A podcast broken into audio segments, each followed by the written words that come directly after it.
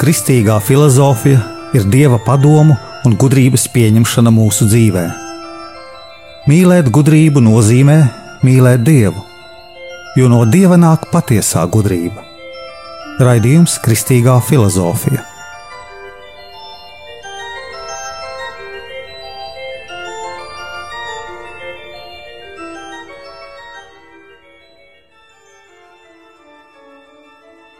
Es esmu Jānis Valtra Vitsenheims, Jeruzalemes Kristus kapa ordeņa bruņinieks, un ar jums ir kristīgā filozofija.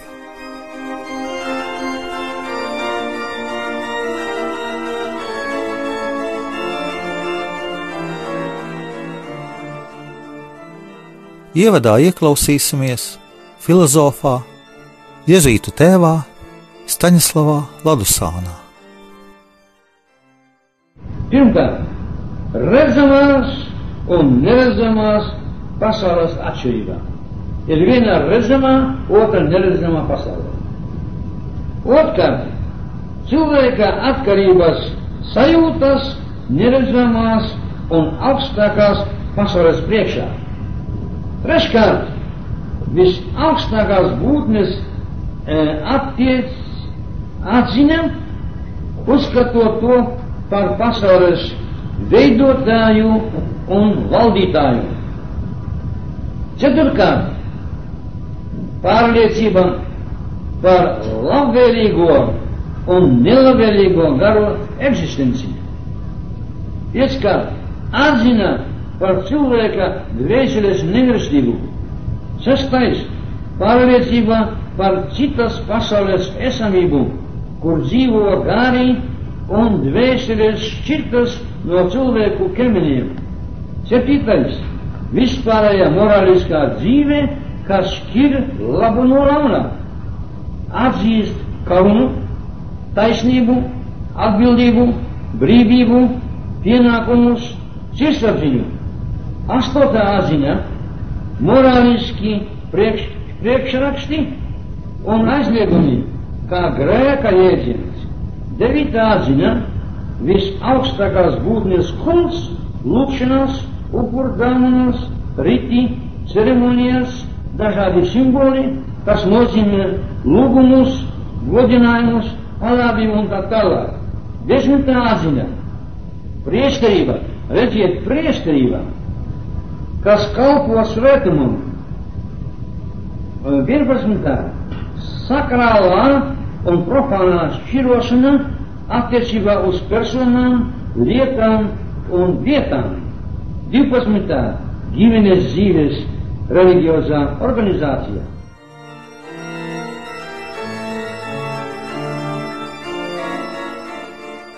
Jūs klausījāties Jēzus tēvu Staņislavu Ladusānu 1993. gada ierakstu.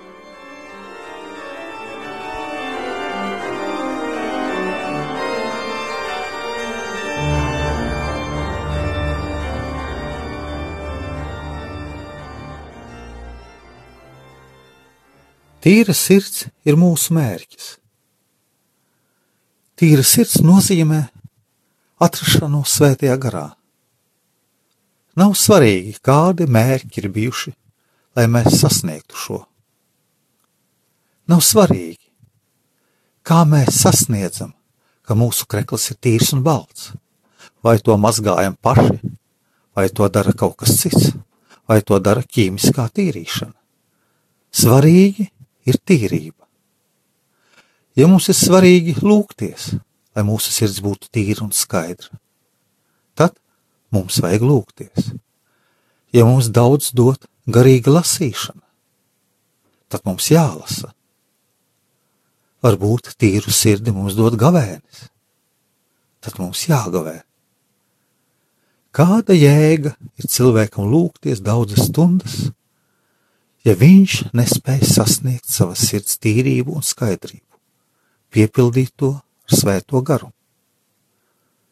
Šīs darbības ir bezjēdzīgas, ja nespējam pa šo ceļu sasniegt savu tīru sirdi. Mums ir vajadzīga trīskārša atteikšanās.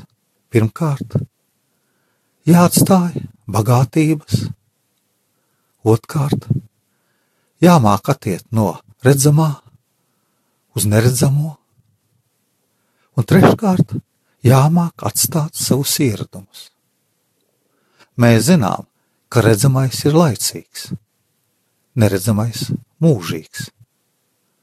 Šos trīs ceļus veica Ābrams, un tagad arī katrs, kas vēlas iet garīgo ceļu un iegūt šo pieredzi, arī palēnām veic šo ceļu. To mēs izējām cauri savu pieredzi. Katrs cilvēks dzīvo dzīvi ar Dievu un iziet šo ceļu, jo Dievs dod to skaidrību un spēku atstāt šīs trīs lietas. Visus mūs Dievs aicina iet šo ceļu. Un izējot šo ceļu, mēs iepazīstam sevi gan saule, gan Dāvida un citu cilvēku atteikšanos viņu dzīvē. Mēs lēnām maināmies. Mums ir vajadzīga prāta izmaiņa, metanoja. Ja tas nenotiek mūsos, mūsos nav progresa. Mēs savā pieredzē atskatāmies uz iepriekšējo dzīvi, jo, ja neatskatīsimies uz iepriekšējiem dzīves mērķiem, mums būs grūti sasniegt Dievu. Tas viss skaidrāk cilvēkā jūtams viņa klostera dzīvē.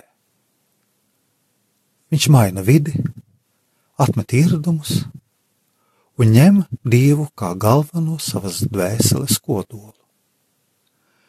Ja pirmos divus var dot klosteris, tad trešo jāatrod pašam.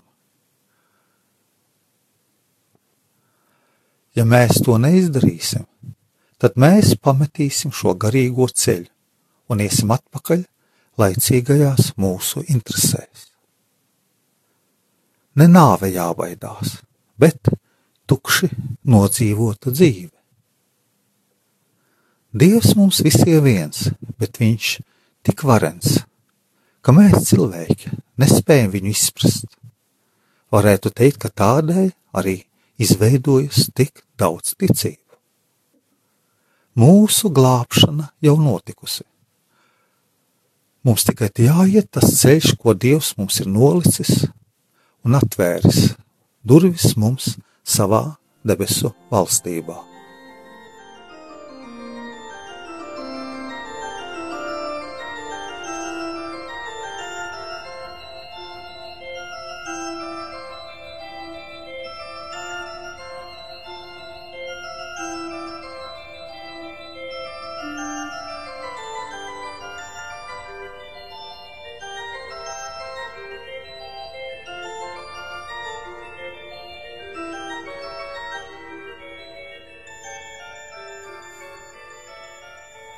Daudz dievā ir gudrības. Mēs pētām šo gudrību, iepazīstot pasauli. Mēs pētām, kā aug koki, kā notiek vulkānu izvirdumi, gribam kaut ko paredzēt. Mēs visi vēlamies izprast to, kas mums ir apkārt.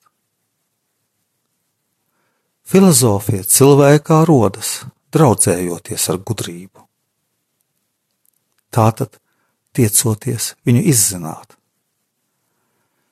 Tādēļ arī filozofija izriet no mūsu cilvēka dziļajām, stiprākajām tieksmēm pēc patiesības, pēc realitātes pazīšanas, pēc laimes, pēc vienības, pēc skaistuma, pēc taisnības pēc brīvības.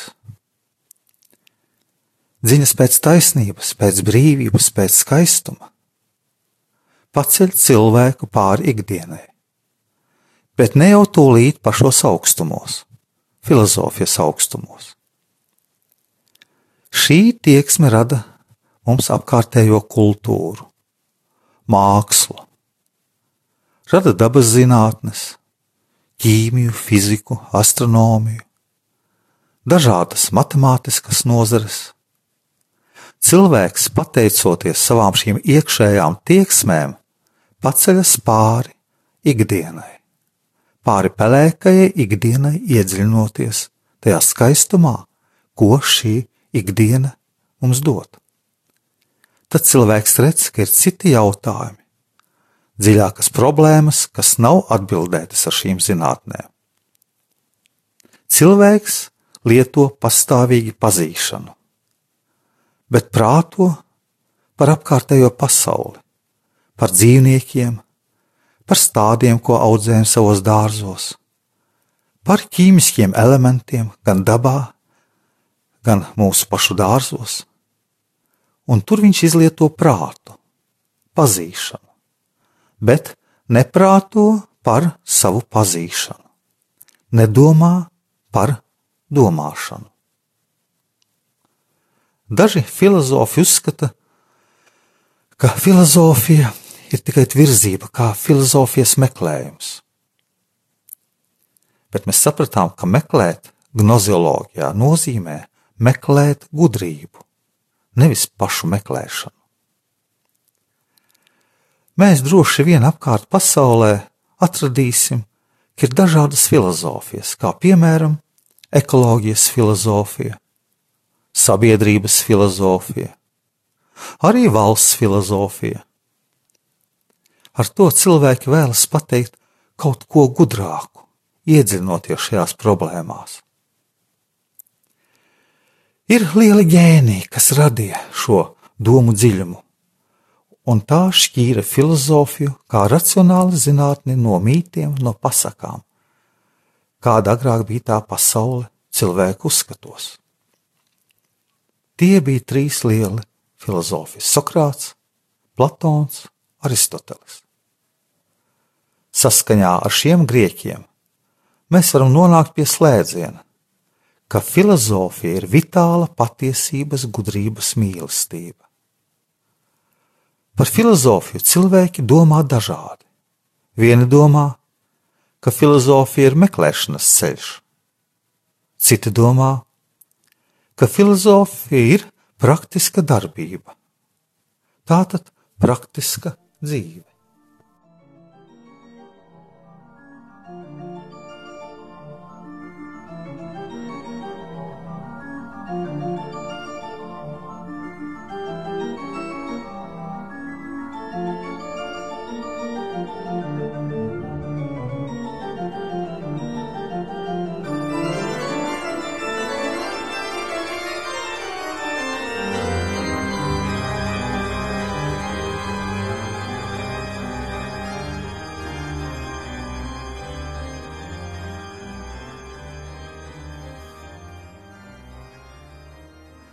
Filozofija vispirms rodas primitīvā, vienkāršā veidā pie ikdienas cilvēka. Rodas filozofija pašā ikdienas cilvēkā, jo šis parastais cilvēks grib izraisīt problēmu par laimi. Viņš meklē laimi. Viņš grib zināt par to, kas cilvēkam dot laimi, un dot īsto patieso laimi. Ja cilvēks atrod, ka viņš ir materiāla būtne, tad viņš slēdz sevi tūlīt tādā gadījumā materiālo lietu pasaulē. Un cilvēkam augstākās vērtības tad ir materiālās vērtības. Ieskatīsimies svētā Akvīnas stūma metafizikā. Ens un ens. Šī doma nāk no grieķu filozofijas. Pirmais ens nozīmē lietas. Mēs to varam saprast kā daudzumu, kā lietu dažādību.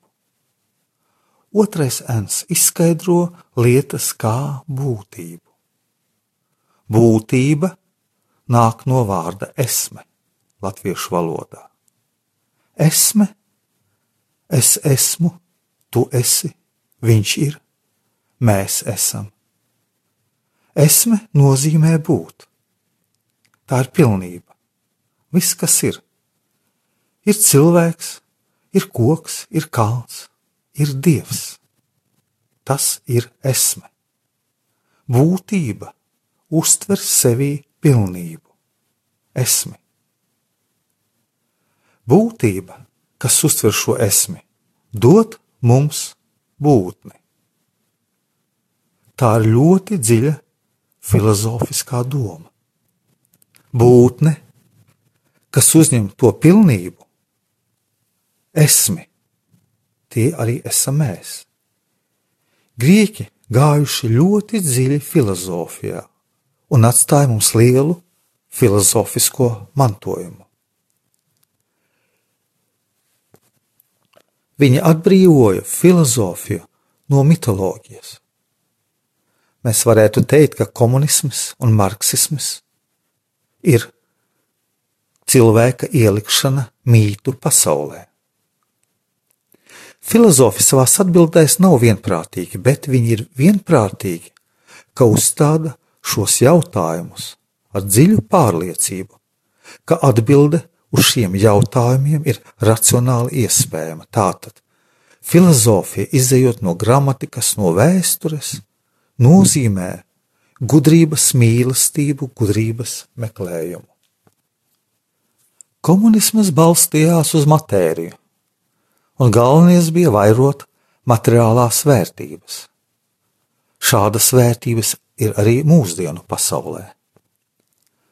Filozofam nav nekādas vēlmes dzīvot egoistiski ar materiālām lietām un darīt visu, ko viņam instinkti liek. Tāds cilvēks jau ir iegrimis problēmā par cilvēka realitāti.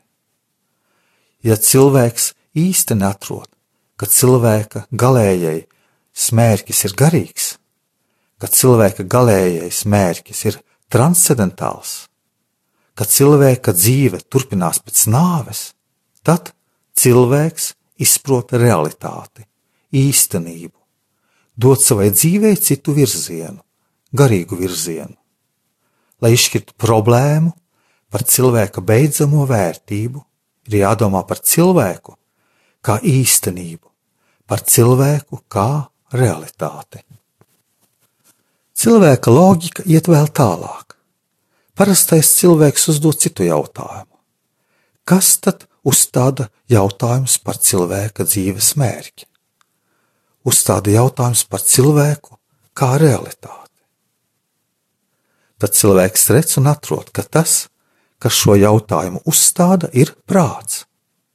Un tālāk šis prāts ne tikai uzstāda mums jautājumu, bet arī atbild uz šiem jautājumiem.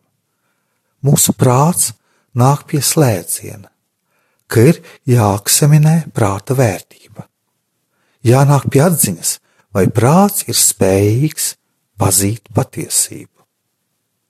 Ja prāts neatrod to, kas ir, ja prāts neatrod to īsto īstenību, tad jādzīvo kā neīstam, kā skeptiķim. Ja viņš atrod, ka prāts var pazīt patiesību, ka prāts saskan ar īstenību, tad cilvēks saprot, ka prāts ir ļoti vērtīgs. Ne tikai prāts, bet arī pazīšanas spējas, kas prātam pakārtojas. Filozofija arī savā nepilnīgā izteiksmē, kā prefilozofija, nav praktiskā dzīve nav meklēšana, bet ir mācība. Filozofija ir mācība par pazīšanu, par īstenību, par dzīves nozīmi. Tātad filozofija nozīmē mācību, nevis par dzīvi, praktisko dzīvi, bet mācību, kas apgaismo dzīvi. Mācību ne praksi, bet mācību par praksi.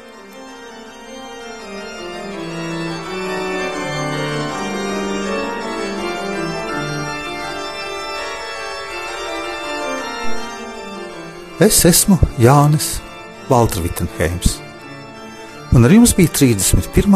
raidījums Kristīgajā filozofijā.